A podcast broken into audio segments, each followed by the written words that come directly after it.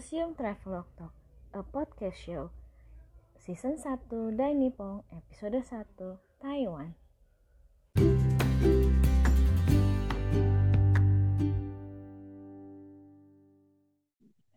Hai, selamat datang di Museum Travelog Talk. Gue Ajang, salah satu host di podcast ini. Gue Retno. Gue Argi. Selamat dengerin kita ya.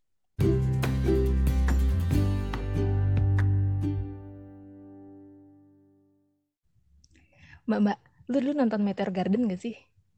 Yes, iya dong, itu favorit gue. Lu demen sama siapa di antara berempat itu? Meisu, Meicu. Mecho, Vanes maksud lu? Ih, iya sama dong kita. Ini fan girl mulu nih bahasanya nih. Apa sangkut pautnya sama Hiburan lagi, Gi. museum kita? Apa ini? Ada tahu. Gue kan pernah Hmm. ke Taiwan ya. Tahun 2010 Hmm. sama 2014 tuh gue dua kali. Terus Hmm. em, gue ke itu NTU National Taiwan University itu tempat tempat syutingnya Meteor Garden. Terus pas Oh di iya, gue inget tuh.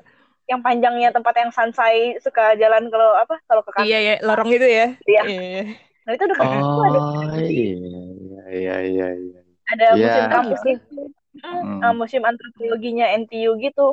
Terus dari situ Isinya ya, eh, nah itu dia gue baru tahu dari situ kalau misalnya Hmm. Taiwan itu ternyata ada indigenous people-nya. Jadi orang asli suku-suku dari Polinesia bukan orang Cina ya gitu.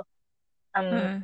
Nah itu dari zaman zaman Jepangnya tuh ternyata mereka emang bikinin museum eh, tentang orang-orang indigenous people di Taiwan itu di tapi bukan bukan museum antropologi itu ya di National eh, Taiwan Museumnya di Taipei juga. Nah gue juga pernah ke sana tuh. Taiwan itu kalau yang gue tahu itu sebagai negara koloni pertama di Jepang ya, negara first koloni di eranya restorasi Meiji itu. Nah, Hmm. Taiwan itu awalnya uh, masih di rule, dikuasain sama era dinasti Qing kan, tapi kalah perang dalam First Sino-Japanese War, nah, melawan kekalahan Jepang. Akibatnya uh, Cina menyerahkan Taiwan kepada Jepang, ya kan. Taiwan kemudian menjadi koloni Hmm. pertama Jepang. Jepang berkuasa di Taiwan hampir 50 tahun semenjak koloninya sampai 1945. Itu untuk Oh. sejarahnya. Oh, ternyata gitu. Terus, Ah, terus gimana, Mbak? Lu ke mana lagi? Ke museum mana lagi di Nah sana? iya yang pertama itu kan gue waktu tahun 2010 ke National Taiwan Hmm. Museum itu. Gue baru Mm-mm. tahu loh di situ bahwa oh ternyata Taiwan tuh dijajah Jepang ya gitu. Nah karena selama ini gue nggak Hmm. pernah tahu ya kalau kalau Taiwan tuh koloni Jepang gitu. Nah eh, museum itu dua dua gedung yang beda gitu. Jadi yang di seberang Hmm. tuh dulu bekas ya bekas eh, Jepang Kangyo-bank gitu ya Land Bank of Taiwan. Jadi pas Mm-mm. tata pamernya tuh memang ada bagian yang masih dipertahankan untuk kayak eh, rekonstruksi bank Jepang zaman dulu ya, maksudnya bank bank zaman kolonial Jepang kayak gitu. Ya kayak kita ke BI, Museum BI atau Museum Mandiri lah gitu, yang suasana Mm-mm. bank zaman dulu gitu. Tapi ada bagian yang emang untuk natural history um, collectionnya mereka kan. Nah di gedung yang satu lagi yang emang dibuat sama Jepang untuk museum yang emang tahun 1908 itu dijadikan museum sama Jepang, itu isinya Mm. um, etnografi gitu ya tentang suku-suku itu yang tadi gue bilang orang-orang asli Taiwan. Waktu gue pameran, eh waktu gue datang ke sana pameran temporernya tuh tentang etnis Taiwan. Nah, gue inget banget deh Mm. tagline-nya tuh Son of the Sun gitu. wis. Nah cuman Son of the Sun. cuman banyakan labelnya kan banyakan bahasa Cina ya, jadi Ah, uh, Hmm. agak-agak agak-agak roaming gue kurang inget kalau kontennya kayak apa gitu Nah, itu museum bangunannya gaya neoklasik ah, yang dulunya sebagai Taiwan Governor Museum itu kan, Mbak? Bukan? Bener iya iya. Iya bener Em, emang gaya ya ya kalau kita lihat kayak gaya museum nasional gitu ya yang pakai pilar-pilar gitu kan. Ah, Oh, I see. emang sengaja. Jadi Jepang tuh dulu emang eh, kan dia sebagai koloni dia tuh nyontek konsep Eropa. Jadi bagaimana dia eh, menggunakan museum as a tools to legitimate colonialism gitu.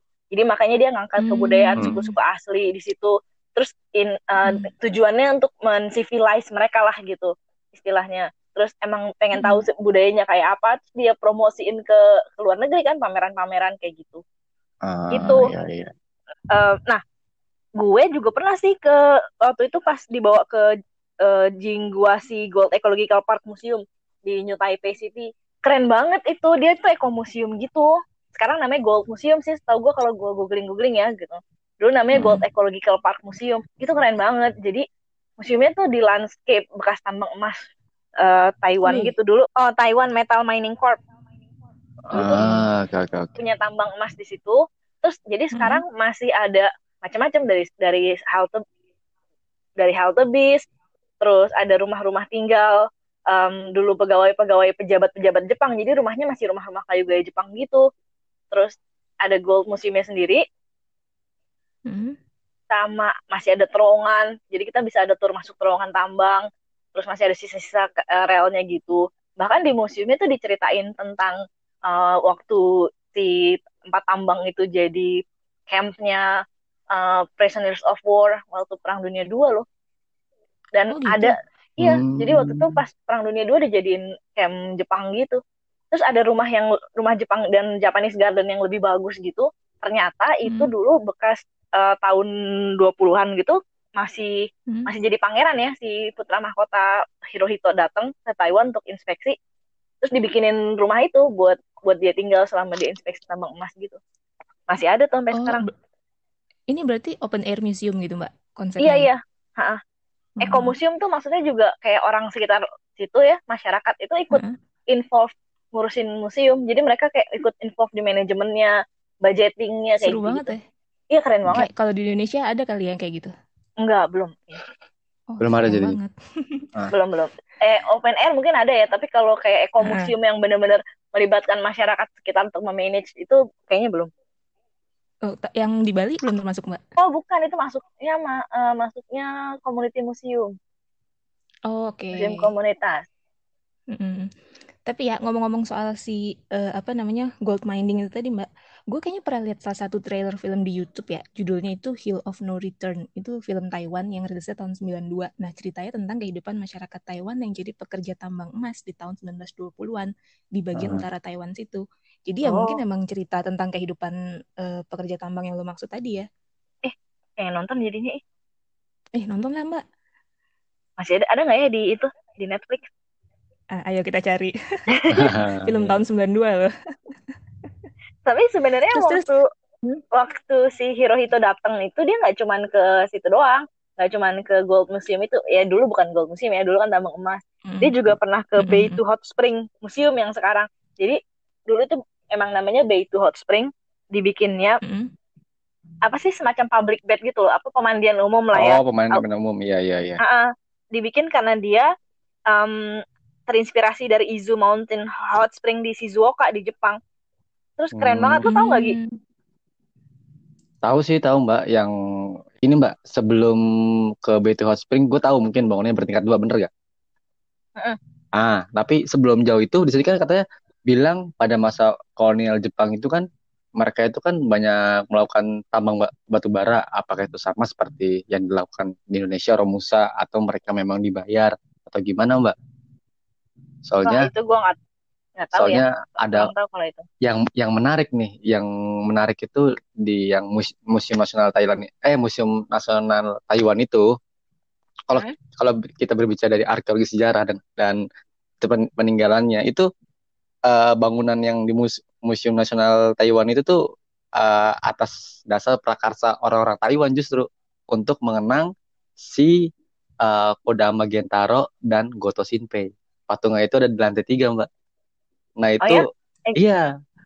Nah, dua orang ini ini berjasa dalam pembangunan Taiwan. Jadi pertama kali modernisasi di Taiwan jadinya. Nah, kalau yang kita pas kita masuk museum itu kan ada kubahnya tuh kayak, Mbak. Nah, kubahnya itu kan ada hmm, hmm. ada semacam kaca kayak kaca hiasan gitulah yang kayak di museum Mandiri gitu itu kan. Kan kalau di Hmm. museum Mandiri kan menggambarkan orang-orang Belanda. Kalau di sini menggambarkan eh, apa orang namanya? Jepang Iya tentang Jepang. Jadi melambangkan lambang dari keluarga Kodama Gentaro sama Goto Shinpei. Itu dengan kipas komando dan Hmm. lima lembar daun bambu. Jadi oh secara, secara bangunan museumnya itu itu punya makna makna tersendiri dari 32 pilar segala macam itu semua menggambarkan tentang Jepang jadi justru. Nah, yang yang bangun ini justru orang-orang kaya Taiwan. karena mereka menghormati si Kodamo Gentaro dan Gito Shinpei ini. Entah ini politik atau apa Hmm. kita nggak tahu ya. Itu untuk yang Oh. Museum Nasional yang Taiwan. Itu menarik banget. Di museum nasional itu bukan Jepang yang bikin.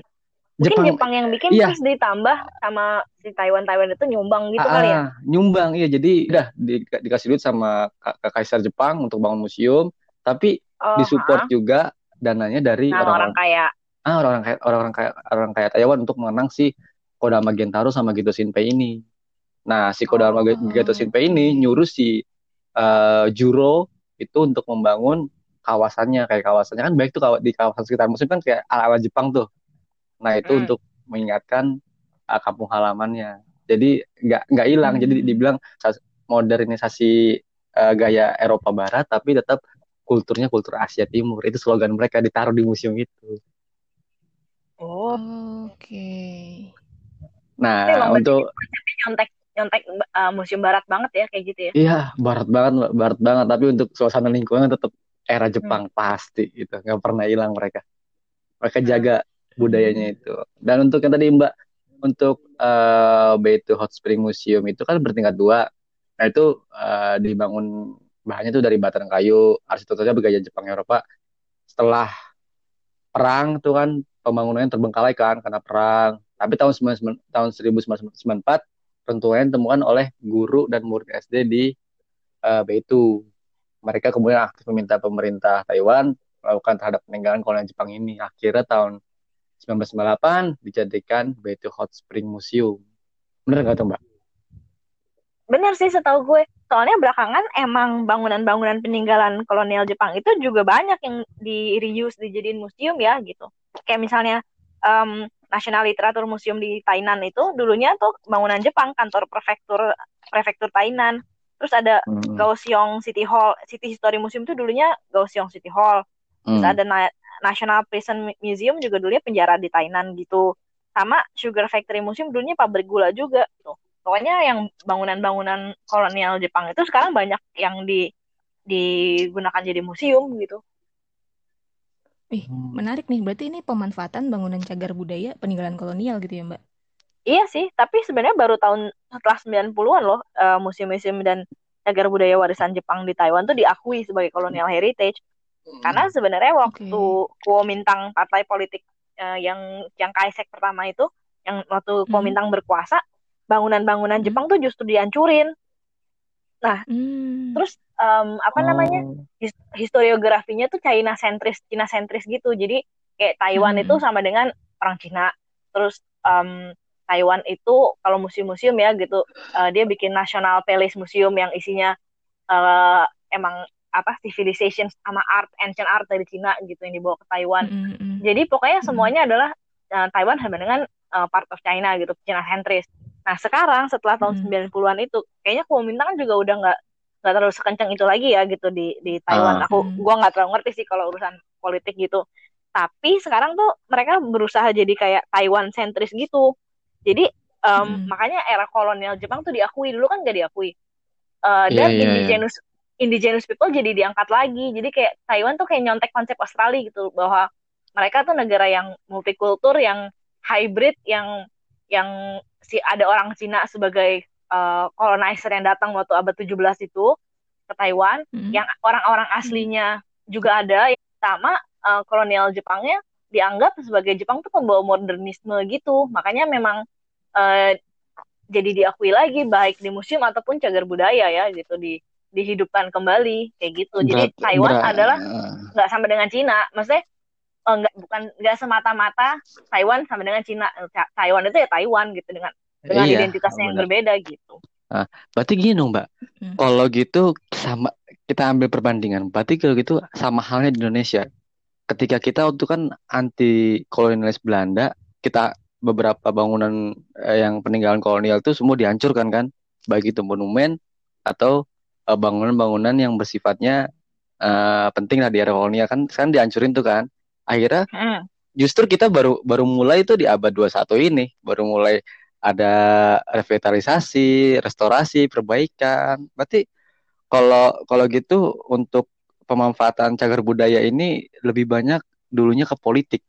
Benar nggak sih, Mbak? Oh. Itu kayak Pasti. Jadi um, bahkan nggak usah cagar budaya, cagar budaya dan museum itu sangat berkaitan erat sama politik dan pergantian rezim eh, kekuasaan suatu negara itu ngaruh banget. Mm-hmm. Bagaimana narasi Nah. sejarahnya diceritain, bagaimana jalan cerita museum diceritain dan sebagainya itu itu sangat berpengaruh. Mau dibilang museum itu netral, tetap aja nggak netral karena itu sesuai sama Mm-mm.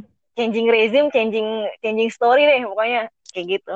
Di Ah, negara mana pun iya. ya gitu. Itu di negara mana pun. Iya, berarti di kita itu waktu itu kan pas di Jepang itu ketika di Taiwan dimodernisasi, maksudnya ada peraturannya pemerintahnya segala macam, sedangkan di Indonesia saat perpindahan dari Belanda ke koloni eh kolonial Belanda ke kolonial Jepang, justru uh, beberapa monumen-monumen atau tentang Belanda itu dihancurkan oleh Sama Jepang. Jepang, Padahal iya. kan, iya, padahal mereka di Taiwan sendiri mereka uh, Digituin. eh, orang orang orang, enggak, orang Taiwan sendiri uh, merawat peninggalan Jepang gitu, yang sebagai Oh, simbol. Tapi kan sekarang gimana, Mbak? Baru jadi sekarang seka- dia. iya, jadi sebelum tahun 90-an itu peninggalan Jepang juga dihancurin sama Kuomintang. Oh, Sama kayak waktu berarti Jepang masuk uh, ngancurin peninggalan Belanda. oh iya iya benar benar benar. Ya pokoknya beda ganti rezim, ganti inilah, ganti cerita. Sudut pandang. Iya, ganti sudut pandang dan ganti cerita. Mm-mm. Uh, tapi Mbak uh, pada saat museum yang narasi di bawah pengaruh Komintang ini yaitu yang Armored Force Museum atau museum persenjataan yang di Taiwan, iya militer. Itu kan salah satu bagian pameran-pameran museum yang tampilkan anti Japanese War tuh ya, terutama di Cina dan Burma ya kan? Era-era Hmm. tahun 1940 sampai 45 kan tuh yang kalau dibilang Jepang tuh kejam banget melalui Mm-mm. di sana itu melalui foto, historical material, cultural relic, sama war painting, film dan lain-lain ya kan di ini- di, di Taiwan yang memposisikan diri sebagai bagian dari Cina dan berjuang bersama dengan sekutu untuk melawan Jepang berarti di sini benar masuk politik berarti di mana Taiwan ini pengen di Cina, maksudnya Cina daratannya pengen dicinakan oleh Cina, maksudnya. Padahal Mm-mm. Taiwan ini kan sendiri kan. Mm-mm. Jadi memang ada masanya dia memang eh, menampilkan dirinya bagian dari Cina. Makanya ada sampai sekarang masih ada museum yang kalau di bawahnya eh Kuomintang ya, makanya narasinya masih begitu gitu. Masih Oh, anti iya, Jepang, iya. masih anti Jepang terus part of berjuang bersama Cina dan sekutu untuk mengenyahkan Jepang di Perang Dunia II masih gitu ceritanya. Hmm, iya iya iya iya. Tapi ada juga loh kayak museum yang baru tuh National Museum of Taiwan History di Tainan itu yang dibuka tahun Hmm. 2011 itu an- malah narasinya dibilangnya kayak pro kolonial gitu karena dia me- menceritakan bahwa em, ya yang tadi gue bilang ya Taiwan itu negara yang multikultur yang terdiri dari indigenous people, etnis Cina dan Jepang tuh sebagai colonizer. Terus Jepang tuh disebutin Hmm. sebagai pembawa modern- modernisasi loh ke Taiwan. Kayak em, di bidang macam-macam deh dari administrasi, edukasi, industri, komersil, sains bahkan dan eh, juga dianggap sebagai pembawa modernitas barat di gaya hidup lokal. Jadi kayak makan di kafe gitu terus perempuan-perempuan dia, dia bisa sekolah, boleh kerja, jadi guru, jadi perawat, kerja di kantor. Itu tuh dianggapnya em, ada setelah era Jepang itu, e- era kolonial Jepang. Eh, menarik loh karena dia juga walaupun dia nampilin ya Jepang tuh punya propaganda perang kayak gitu-gitu, tapi dia tuh Hmm. nggak pernah bilang kalau Jepang tuh penindas. Em, Oh. Malah yang ditampilin Oh, itu iya, tentang orang Taiwan yang malah jadi volunteer untuk jadi bagian dari militer Jepang gitu. Emang kenyataannya ada sih yang kayak gitu. Tapi maksudnya Mm-mm. yang selama ini kan emang nggak diceritakan gitu. Tapi itu di di National Museum justru malah diangkat ya pasca 2011 Hmm. itu. Terus eh, kayak eh, apa namanya pekerja paksa orang-orang pekerja Romusa. paksa gitu Romusa itu tuh malah nggak di malah nggak dibahas gitu di museum. Bahkan kayak comfort woman juga nggak dibahas loh di di National Museumnya gitu. Padahal kan banyak kasus comfort woman itu. Iya iya, tapi emang eh, kalau kita ngebahas soal kolonial itu nggak bisa dilihat dari hitam atau putih ya, maksudnya itu kompleks banget gitu Iya kan, sih. Iya, Bisa tiba-tiba dia dilihat ada modernisasi, tapi ada juga yang buruknya gitu kan. Nah, kayak si comfort women ini, gue juga pernah baca salah satu artikel tentang eh, mereka di Taiwan ya. Mereka Hmm. juga statusnya tuh kompleks gitu karena eh, beberapa pihak bilang kalau di buku-buku sejarah itu nggak diangkat, jadi kayak cuma ditulis dalam beberapa baris doang dan eh, keberadaan comfort women itu sebenarnya dianggap eh, sebagai political issue gitu. Jadi eh, permasalahan yang bakal menggiring kebencian kepada Jepang gitu loh nantinya kalau itu diangkat gitu. Jadi uh, bisa mengiritasi hubungan antara Jepang dan uh, Taiwan gitu. Justru padahal kan itu cerita yang uh, sebenarnya menurut gue sih harus diangkat ya gitu kan. Ada sih hmm. sebenarnya di Ama Museum di hmm. Taiwan eh di Taipei baru dibikin tahun 2016. Hmm. Ada yang bikin tuh kayak hmm. Taipei Women's Rescue Foundation gitu. Ama tuh artinya kan nenek. Hmm. hmm. Jadi maksudnya kayak hmm. menceritakan perempuan-perempuan tua yang survive dari Perang Dunia II yang dulunya survive dari sebagai comfort woman. Um, tujuannya emang hmm. dia pengen mempromosikan gender equality gitu loh, terus kayak uh, untuk HAM hmm. gitu, terus juga kayak uh, gimana sih kerusakan yang ditimbulkan kalau ada sexual abuse kayak gitu-gitu. Cuman, ah, iya. cuman kalau dibaca di websitenya ya, karena um, pandemi dan juga kondisi ekonomi yang kurang baik, November ini ditutup loh, sayang banget hmm. deh. Uh, sayang banget. Tapi emang uh, gue juga sempat baca artikel dari LA Times nih mbak tahun 2016 di awal itu mereka emang 2016 lo bilang um, awal berdirinya mereka hmm. ya. Di awal itu mereka emang cukup susah untuk menemukan uh, tempat berdirinya gitu si bangunan ini gitu kan oh. terus fundraisingnya itu juga slow jadi mereka itu cuma dapat 10% dari uh, kebutuhan per tahun makanya ya kita nggak heran lah ya kalau misalkan sekarang dia akhirnya memutuskan untuk tutup di akhir uh, tahun ini gitu kan.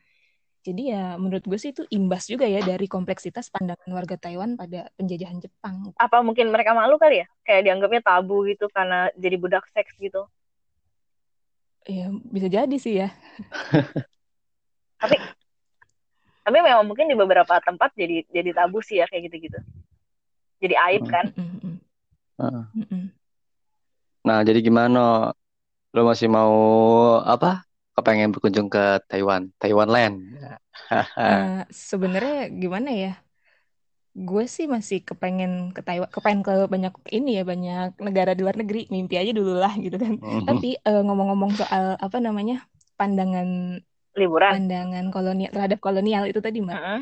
Okay. Uh, Sebenarnya perubahan itu juga terlihat loh dari jumlah turis yang ada di uh, Taiwan. Jadi kayak orang-orang Jepang itu mengutamakan bukan mengutamakan ya kayak menjadikan Taiwan tuh salah satu pilihan untuk uh, liburan mereka gitu loh. Kayak misalkan mereka ke Korea itu kan uh, mereka merasa wah gue dibenci nih gitu kan. Jadi agak agak nyaman gitu kan. Nah, iya terus mereka pilihannya itu uh, ke ke Jepang eh ke Taiwan karena rasanya tuh mereka kayak pulang ke rumah ke tempat yang uh, hilang yang nggak bisa lagi ditemuin di Jepang gitu. Ini oh. uh, gue baca artikel dari tahun 2017 mereka tuh merasa nyaman gitu buat liburan ke Taiwan karena uh, ya gimana sih kalau kita nyaman kan berarti orang-orangnya juga welcome ya gitu kan nah mereka si warganya juga tuh uh-uh. welcome karena jalannya itu ada resto-resto yang signage-nya dua bahasa ada yang Mandarin dan Jepang gitu kan jadi mereka mudah kan oh ini makanan ini nih gitu-gitu kan sampai segitunya ya nah terus um, Wah, gila. Terus si beberapa resto itu justru juga menyediakan uh, makanan-makanan yang disajikan dengan gaya Jepang gitu. Jadi ya nggak wow. heran lah kalau uh, salah satu jadi salah satu pilihan destinasi liburan ya si Taiwan ini oleh warga Jepang. Nah, balik lagi ke pertanyaan Argi, gue mau atau nggak ke Taiwan? Iya mau banget, tapi gue sekarang udah berubah kiblat. gue ke Korea Selatan gitu. Uh, opa-opa BTS.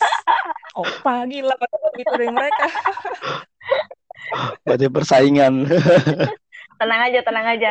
Ntar uh, Korea juga akan kita bahas nih. Tapi minggu depan kita ke Rusia dulu gimana?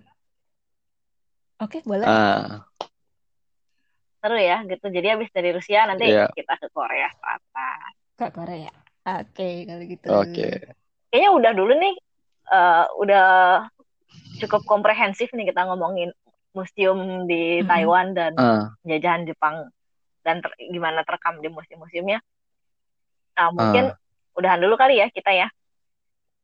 Iya iya kayaknya. Dengerin okay. kita ngoceh lagi minggu depan kali ya. Oke. Okay. Ayo oke. Okay. Oh iya jangan lupa ya um, follow oh, iya. follow di Instagram, Instagram. Museum Travelog biar bisa tahu update tentang episode kita. Mm -hmm. Terus ini kan kita episodenya ada di Anchor sama di Spotify. Spotify. Di subscribe mm -hmm. dong. Jadi nggak ketinggalan. Subscribe. subscribe dan like. Iya, biar nggak ketinggalan. Pokoknya apa tuh uh, podcast musim travelog ini nanti bakal muncul tuh di yang di jam-jam yang kalian gak duga. Oh. Mantap. Oke oke. Nah, makasih ya udah Oke, dengerin kita ya. Sampai, sampai minggu depan. Oke, Dadah. dadah.